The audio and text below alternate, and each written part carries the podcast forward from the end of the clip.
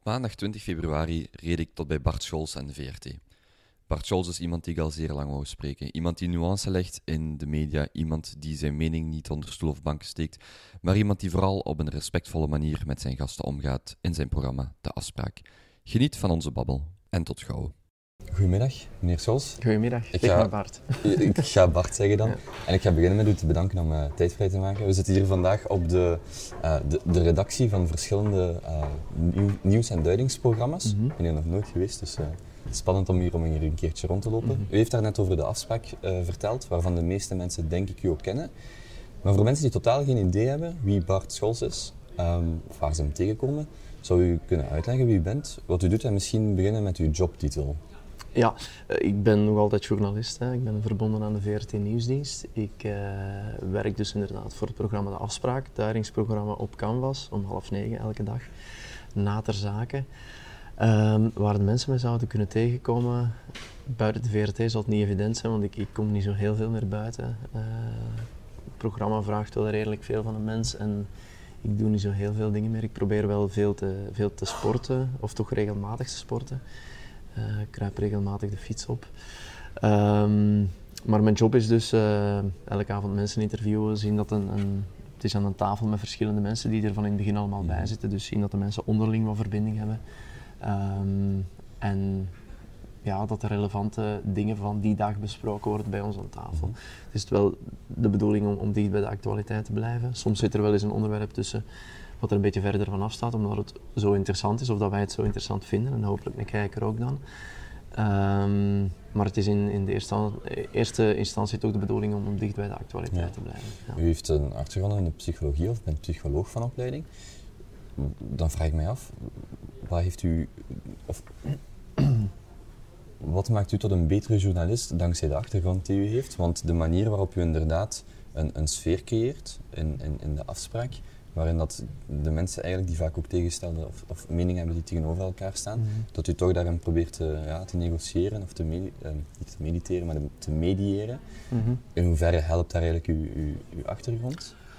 Dat is heel moeilijk om, om dat te zeggen. Uh, ik, ik zou eerst willen zeggen, ik, ik weet niet of dat, dat, of dat mij dat per se een, een betere journalist mm. maakt uh, dan iemand anders. Maar um, voor mij is het belangrijk dat je een toon van een gesprek kan aanpassen in functie van wie er zit.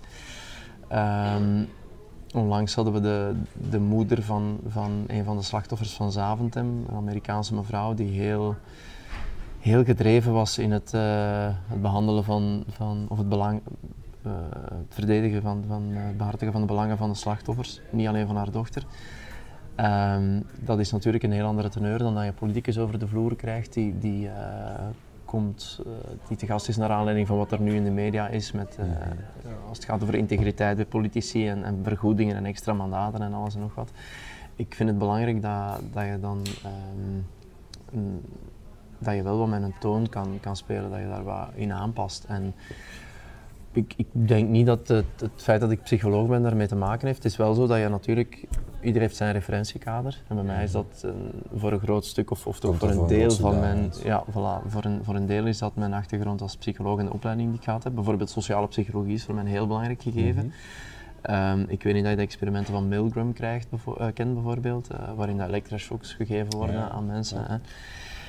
Daaruit blijkt eigenlijk dat, dat 65% van mensen zoals jij en ik in staat zijn tot het geven van dodelijke shocken aan mensen die hen helemaal niks misdaan hebben. Dus dat is nog altijd iets wat dat zo super relevant is voor wat er vandaag gebeurt in Syrië of, of eender wanneer, op eender welke plek dat, het, dat oorlog is. En dat zijn dingen die, ik wel, uh, die voor mij wel heel belangrijk zijn. Um, ik, we zijn sociale, sociale dieren, zeg ik altijd, en ons, ons gedrag wordt in, in zeer sterke mate bepaald door, uh, door onze omgeving en ook door sociale context en sociale factoren. En, en op die manier, daar denk ik wel dikwijls aan, ook als ik in mijn programma zit. Ja. En hoezeer is dan het programma, in de vorm waarop het nu gebracht wordt, een, een afspiegeling van de manier waarop, waarop u als persoon de, de actualiteit of die media of dat groter geheel benadert? Wat ik daarmee bedoel is, ik merk bijvoorbeeld voor mij, ik ga op zoek naar, naar diepte-interviews, naar nuance, niet naar de niet naar de, de, de -hmm. kopteksten, maar naar de nuance achter een verhaal. En ik vind dat terug als, als kijker in de afspraak. Maar in hoeverre is, is hoe, hoeveel Bart Scholz zit er in, in de afspraak? ik denk... Het, want u, u ehm, werkt natuurlijk in een team, hè? dus het is niet Bart Scholz, Nee, het nee, is niet de ja, afspraak, het dat, is om een te, team dat effort. om te beginnen. Het zijn eindredacteurs, redacteurs en vergaderingen. Straks wordt je affiche afgeklopt en dat is een, een, een werk echt van iedereen inderdaad. Waarin dat eindredacteurs en presentator misschien een iets meer gewicht hebben dan, dan eh, de redacteurs, maar die hun eh, mening zeker even belangrijk en even relevant is voor ons. Het zijn alleen wij die de knopen moeten doorhakken. Ehm, wat er van mij in dat programma zit, ik, ten eerste, ehm, het is nog altijd een betrachting om neutraal te blijven. Neutraal in de zin van, er zijn natuurlijk dingen als 95% van de bevolking verontwaardigd is over iets, dan hoeft dat niet 100% neutraal te zijn. Ehm, je kan nog altijd wel die 5% die anderen aan het woord laten, maar je kan wel die, die verontwaardiging van 95% laten, laten horen. Ehm, maar het is nog altijd de bedoeling dat dat op, dat, dat op objectieve basis gebeurt Mhm. en met een zekere neutraliteit. Natuurlijk, eh, wat ik ook zeg, ik heb ook mijn referentiekader, dus complete neutraliteit, dat is, dat is onbestaand. Dus we moeten dat ook niet hebben, want soms wordt dat wel eens gezegd van, het is niet neutraal of niet objectief. Dat is onzin natuurlijk. Het, wat dat wel superbelangrijk is, is dat je dat als er verontwaardiging is of, eh, of, of ehm, discussie over iets, dat dat niet altijd aan dezelfde partij gekoppeld is. Maar ik denk dat dat iets is wat aan niemand ons ooit zal kunnen verwijten. Ik bedoel, we zijn eh, al zeer kritisch geweest voor links in eh, de uitzending en ook al zeer kritisch voor rechts. Dus dat heeft er denk ik weinig mee te maken. Op die moment krijg je dan wel de andere kant over je heen, altijd. Hè. Als, je, als er dingen besproken worden die minder in het kraam van de ene kant Mhm. passen, dan krijg je de andere kant over je heen en, en, en andersom ook. Dat is op zich niet zo erg, maar ik denk wel dat het belangrijk is dat wij vanuit een neutraal standpunt vertrekken en eh, vanuit een zekere objectiviteit ons ding doen. Dus wat zit er van mijn programma? Het referentiekader wat onbewust altijd een rol zal spelen en de dingen die mij interesseren, maar dat geldt even goed voor mijn eindredacteurs, die, die, die zeggen van oh, wij denken dat dit nu relevant is. Het, het is actualiteit die nog altijd grotendeels bepaalt wat we in ons programma brengen. Dus in zekere zin heeft dat niks met onze eigen eh, voorkeuren te maken. Natuurlijk de keuze die wij maken, de mix die wij zien, eh, de, de invalshoeken. Dat kan zijn dat dat vanuit ons kader gebeurt, maar dat zal nooit gebeuren vanuit een bepaalde subjectieve Als ik, voorkeur. goed, voor als ik het goed begrijp, is het wel zo dat dus inderdaad de samenstelling van de gasten en het programma tot een bepaalde hoogte is een, is een team effort.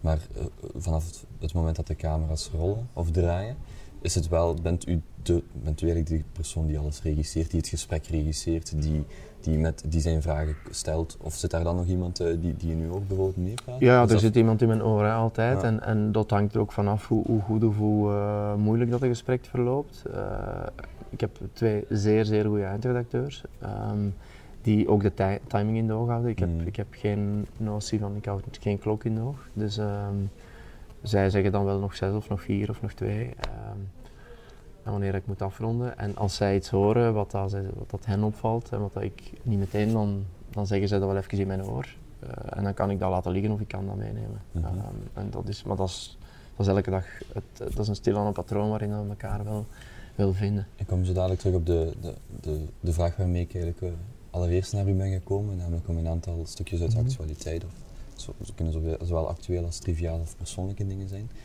Misschien nog, eh, nog één laatste vraag daarover. Ben mijn vraag vergeten. Niet erg, Oké, je nee, kunt knippen. ik, eh, ja, ik, ben nog, eh, ik heb eh, nog wat te leren. Nee, ik wou nog één vraag stellen over de afspraak. Nee, jawel. Voor de mensen die nog, die nog nooit naar de afspraak hebben gekeken, is er één ehm, aflevering of één, één, één, ja, één aflevering die u het meest memora- memorabel is? Of het meest is bijgebleven?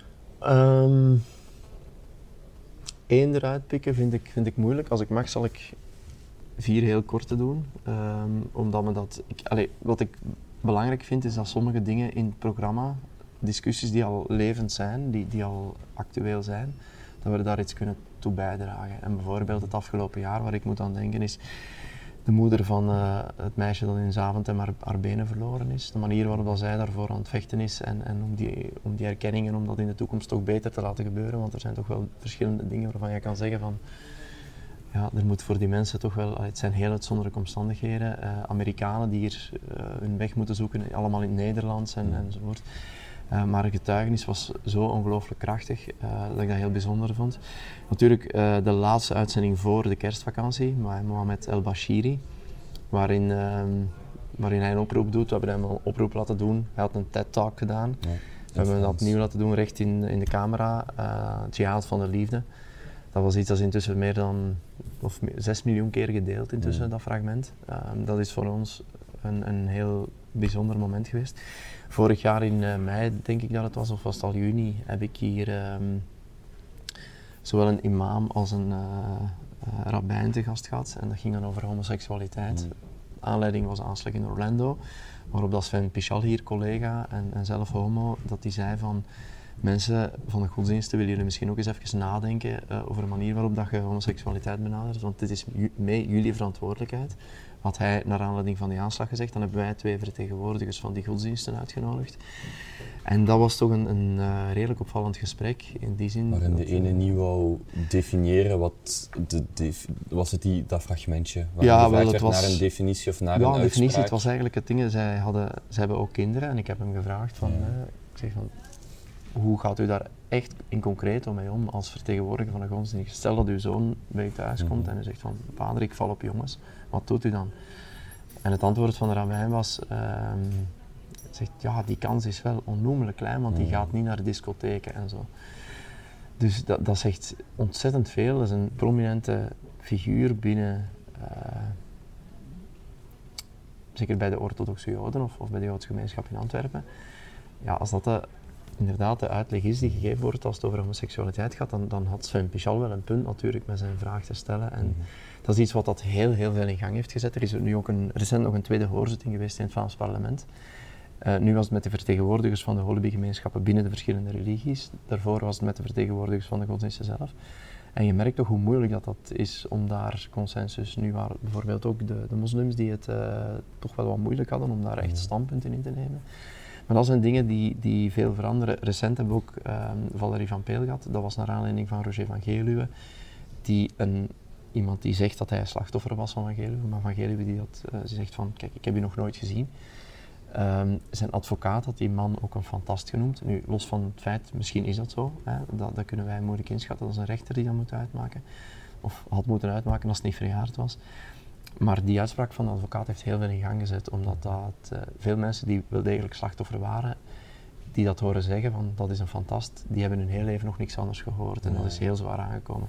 Valerie van Peel heeft dan als Kamerlid uh, in, ons afspraak, in ons programma getuigd over het feit dat zij ook seksueel misbruikt is en over hoe dat, dat ja, hun leven bepaalt en de blik van mensen verandert. En, uh, dat zijn relevante maatschappelijke discussies die iets bijbrengen. Uh, mm-hmm. En dat vind ik, uh, dat is nu meer dan één moment, maar dat zijn, zo, dat zijn voor mij de kernuitzendingen. Dat vind ik echt uh, heel belangrijk dat we dat doen.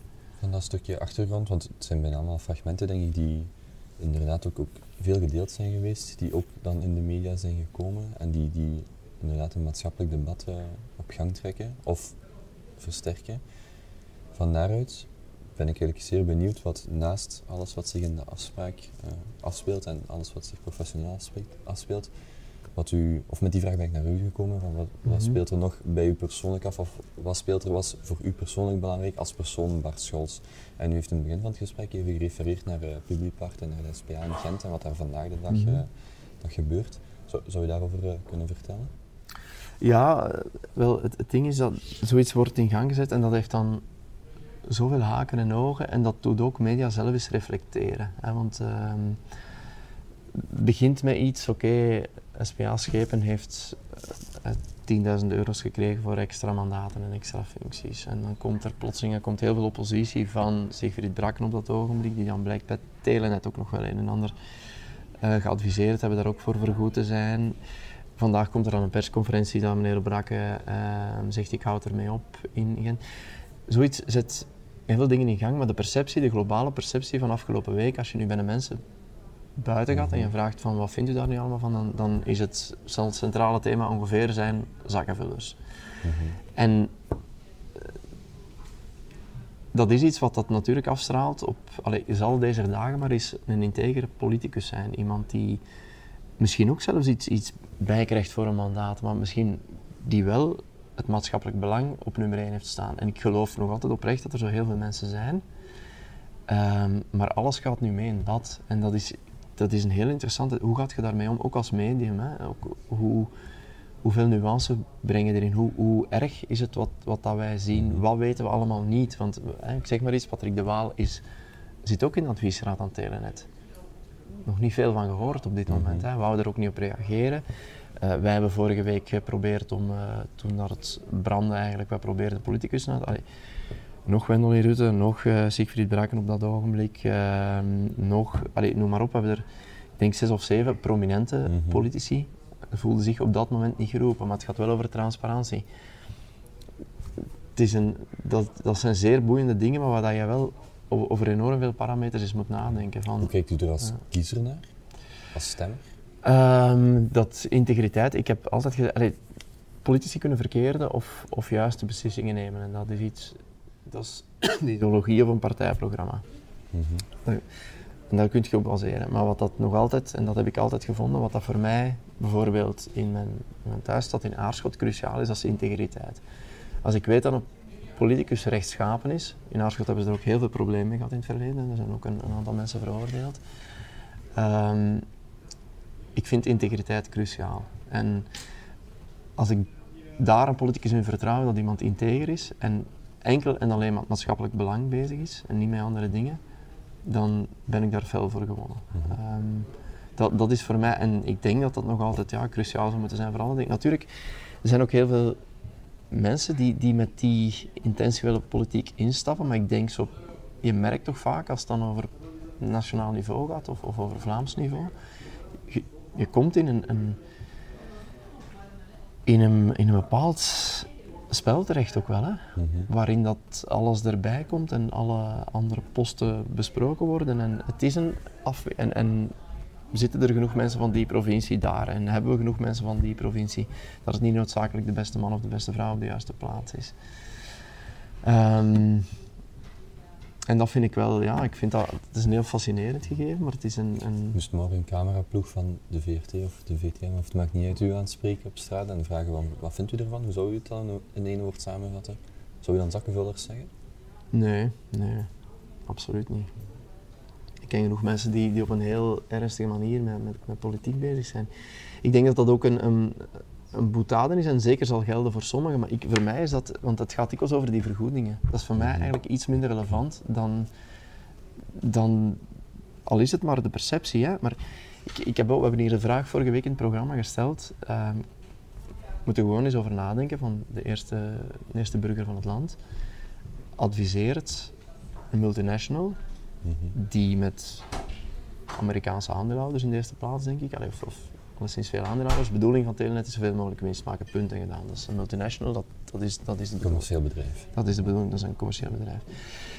Dat kan alleen maar gebeuren door winst te maken. En winst maken, daar hebben de burgers voor nodig. Mm -hmm. Dus de, ik vind wel, ik, ik, spreek me niet over uit over wat het antwoord op de vraag is, maar ik vind wel dat de vraag mag gesteld worden, is het oké okay dat de belangrijkste volksvertegenwoordiger, of toch in die symbolische functie als eerste burger van het land, dat bedrijf adviseert, waarvan het de bedoeling is om zoveel mogelijk winst te maken. Ik vind dat wel een heel relevante vraag.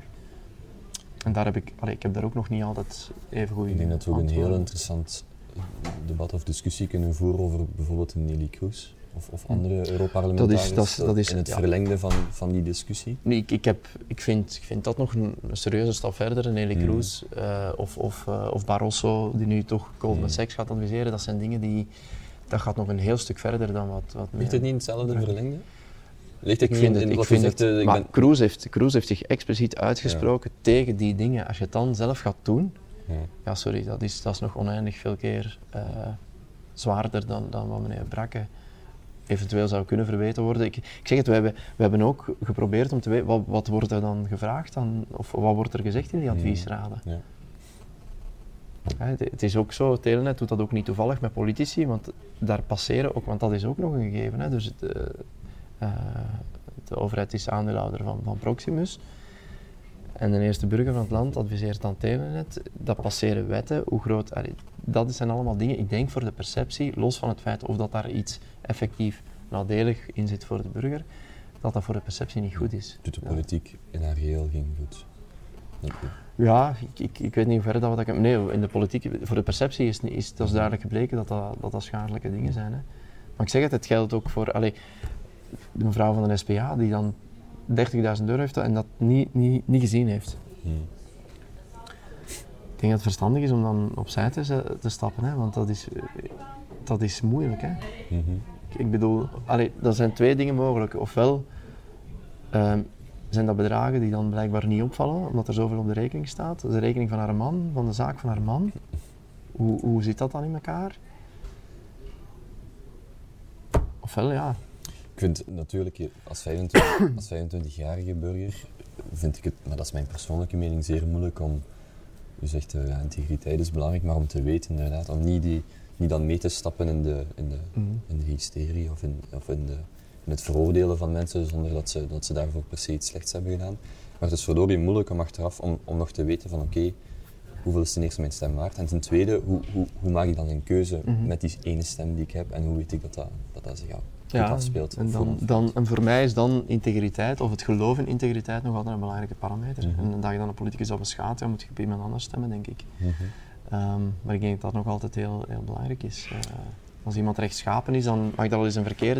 Eh. Ik vind niet dat politici, ehm, of de politicus, waar- politicus waar ik voor stem, dat, dat die eh 100% moet overeenkomen met mijn Mhm. keuzes. Dat, dat is denk ik moeilijk. Eh, of een partij. Maar ik denk ten eerste dat, dat er een, groot, een grote deelverzameling moet zijn. Ten tweede, ik wil dat het rechtschapen is, dat iemand maatschappelijk belang voor ogen heeft. Ja. En dat is iets wat dan een aantal mensen nu wel vergeten. Ik hoor trouwens dat eh, in ehm, Gent is er de schepen die Tom Balthazar vervangt. Maar er was nog iemand anders die daarvoor in de running was. En die andere gast is, een, is dan ook weer een, een post bij een intercommunale beloofd. Dus om het één probleem aan te pakken, doen ze gewoon krak hetzelfde. Dan denk ik van, ja, Als we dan overgaan van de politieke discussie en de mandaten en dergelijke naar een, naar een andere passie van u, eh, sport, als ik dat een passie mag Mhm. noemen. Zei u voor het gesprek, eh, haalde u de discussie van eh, Van Aert en eh, Van der Poel aan. Zou u daar iets meer over kunnen vertellen? Ja, ik vind het eigenlijk ehm, heel fascinerend. Want er, er werd gezegd ook eh, na Sven Nijs en, en die vorige generatie, wanneer gaat dat ingevuld worden? En ik dacht dat eerlijk gezegd ook wel een beetje, maar dan eigenlijk ja, voordat Sven gestopt is, was Van Aert daar al en, en was Mathieu van der Poel daar al. En die hebben dat dan overgenomen op een gigantische manier. En ehm, hoe, hoe klein de sport ook mondiaal gezien is, hoe interessant het ook is ehm, om dat in Vlaanderen te, bekijken. Hè. Want als je nu, er wordt dan over gediscussieerd en, Wout eh, van Aert is wereldkampioen. Dat is nog altijd eh, denk ik de belangrijkste trofee van het jaar voor een veldrijder. Langs de andere kant, de individuele duels, eh, denk ik dat hij 15 keer verliest van Mathieu van der Poel, dat hij er drie wint. Dus als ze aan mij zouden vragen wie is nu de sterkste veldrijder van het jaar, dan zeg ik zonder enige twijfel Van der Poel. Ehm, en, en ik vind dat wel een, een heel interessant gegeven. En daarbij aansluitend, ehm, wat ze daar toen gedaan hebben, dus Kevin Pauwels en Van der Poel met hun, ehm, eh, hun attesten na een dopingcontrole op Twitter te gooien, dus in alle openheid, ze dan een heel interessant punt aangeraakt. Want ehm, het, het is, we weten al jaren, die, die acht dagen voor eh, belangrijke wedstrijden, als daar niet in gekoerst wordt, dat daar dikwijls met corti- cortisone om blessures eh, op te lossen of eender wat gewerkt wordt. Iets wat normaal niet mag. Dus dan mag een renner acht dagen niet rijden. Eh, en dat is nu dan echt een, een discussiepunt geweest in naar aanloop van het WK. En dat was heel interessant. Ik, ik vind ook, ik, ik zou het interessant vinden als iedereen dat gewoon open en bloot op tafel gooit eh, bij dopingcontroles. Eh, wat, wat de uitzonderingen, de therapeutische uitzonderingen zoals ze genoemd worden, dat die op tafel worden gelegd. Dus ook dat is dan weer betrokken in heel het verhaal. Dus ik, ik, ik, ik heb eigenlijk een eh, ongemeen boeiend veldritseizoen gevonden. Ehm, Hoe, hoe beleeft u veldrijden? Is dat van achter de televisie of staat u ook mee? eh Nee, ik ben wel naar het WK. Ik ben naar het WK gaan kijken. Ik heb met mijn heet dat trouwens een piste of een parcours? Zeker. Een parcours. Een parcours, Ja, ehm, ik ben met Chris Meertens heb ik de, de gewoonte, als het niet al te ver is, dan gaan we elk jaar naar het WK kijken. Eh, en dat hebben we ook dit jaar gedaan in Luxemburg. We gaan dan op zaterdag naar Ginder en dan hebben we zondag genoten van de cross. En natuurlijk, het was een groot drama voor eh, Mathieu van der Poel. De gast zat in, in zak en as ehm, met zijn lekke banden.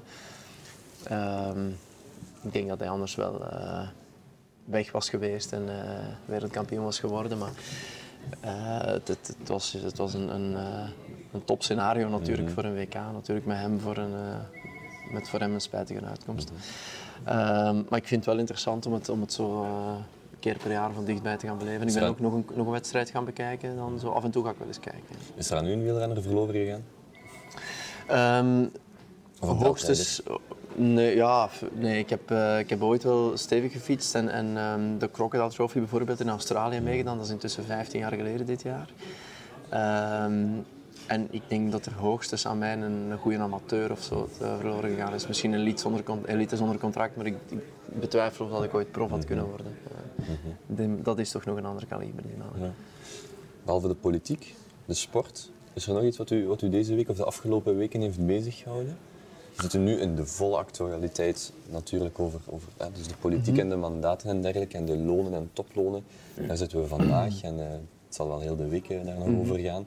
We zitten een stukje met, met, met voetbal, uh, een stukje allez, sport in het algemeen. De play-offs komen eraan. U vertelt net over wielrennen. Um, en een volgende vraag die ik u zelfs ga stellen is waar u, waar u nog naar uitkijkt dit jaar. Is er in de laatste weken nog iets wat u is opgevallen, wat, wat u nou aan het wat? Wat ook fascinerend dat ligt, dat ligt dicht bij, de, bij het werk natuurlijk, of dat is het werk ook. Um, maar ik, ik, blijf het ook heel fascinerend vinden hoe dat de wereld gaat omgaan en hoe dat politici zullen omgaan, gevestigde partijen, traditionele partijen, met het, het fenomeen Donald Trump en alles wat daarmee te maken heeft, ook in Nederland, wat we met Geert Wilders zien. Ik zag Wilders op de muur Marine Le Pen.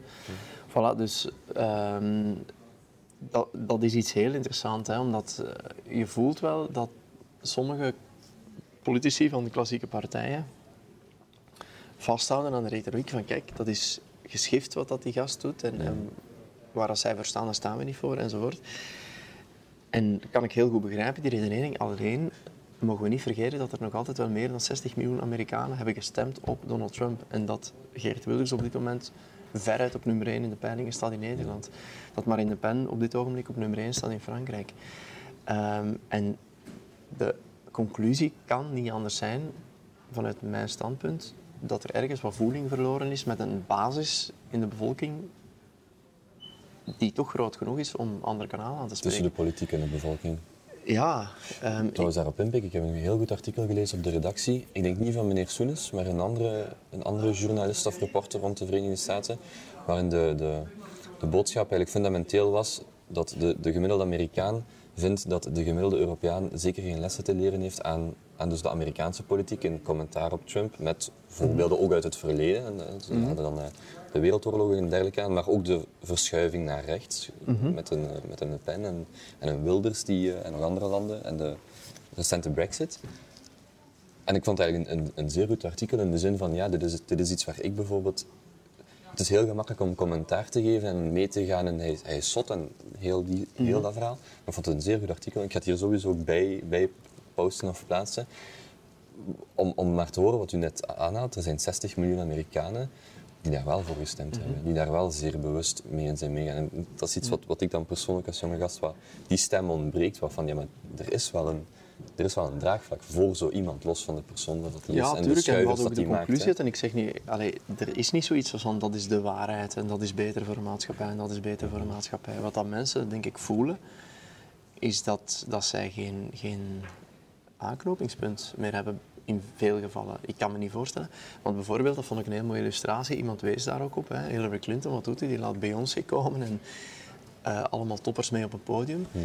Maar ik geloof wel een beetje in het verhaal van het establishment. Ehm, dat is hier op de reactie trouwens ook ooit geopperd. Hè, van, er zit een, een laag, en dat zijn politici. Allee, wie zit er in mijn telefoon? Ik kan mensen bellen die, die andere mensen op straat bijvoorbeeld niet kunnen bellen, bij manier van als ik dat zou willen. Hè, voor alle duidelijkheid, het gaat niet over wat, dat, wat dat er gebeurt, maar er, er zit ergens een laag. Ons, die mensen kennen elkaar allemaal.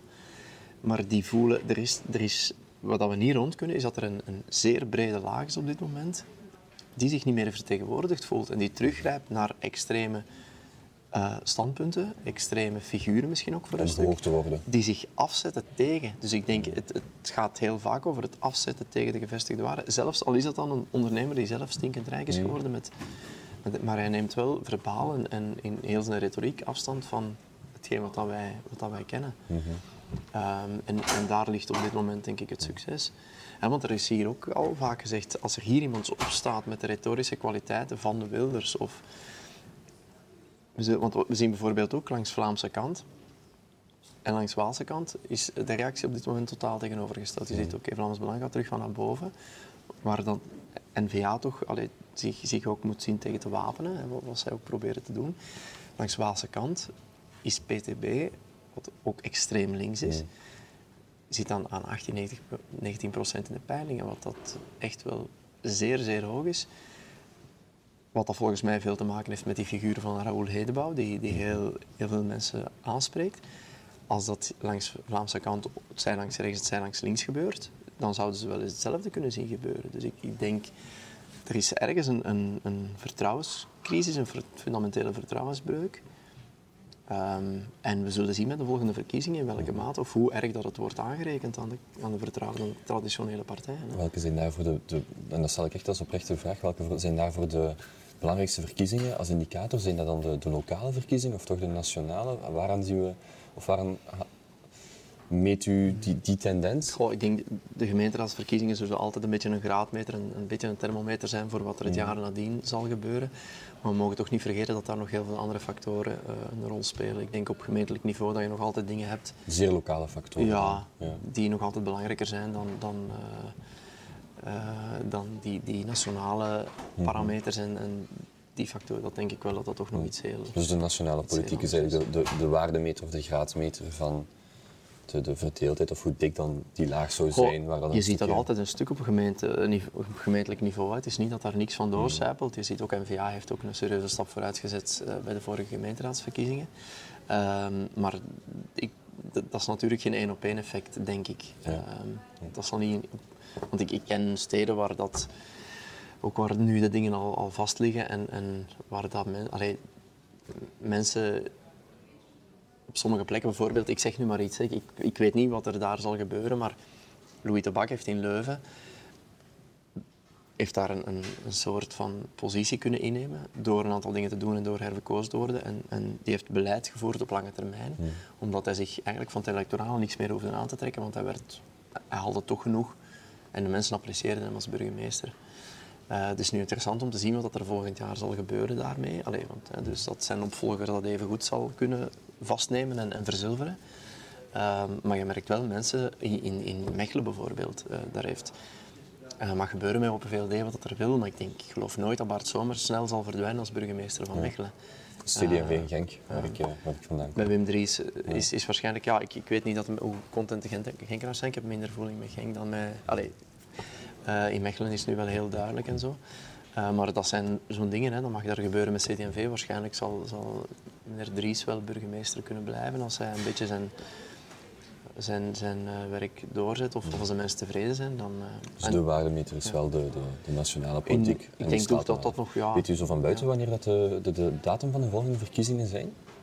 Um, voor de gemeenteraads? Of de, de, dus de federale verkiezingen. Dus we zitten naar 2019 hè, en dan zal het in mei zijn, vermoed ik. Uh, ja. Dus nog, uh, nog een tweetal jaar, jaar, veel, ja. Veel politiek op de agenda. Gelijk altijd Het is begonnen nu ook, hè, dus de campagnes zijn volop. zijn eigenlijk, onlangs ook gezegd, hè, dat is, zeker met de gemeenteraadsverkiezingen en dan verhuizen, wie verhuist er, wie verhuist er mm. niet.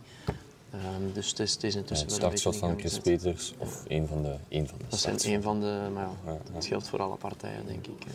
Ja. Dus ik stel u graag nog een laatste vraag. We zitten in week 7, als ik mij niet vergis, van het nieuwe jaar. We hebben al van alles meegemaakt. U zit ook met, u, met uw neus op de feiten of helemaal in de actualiteit. Waar kijkt u nog voor de rest van dit jaar naartoe? Op professioneel vlak?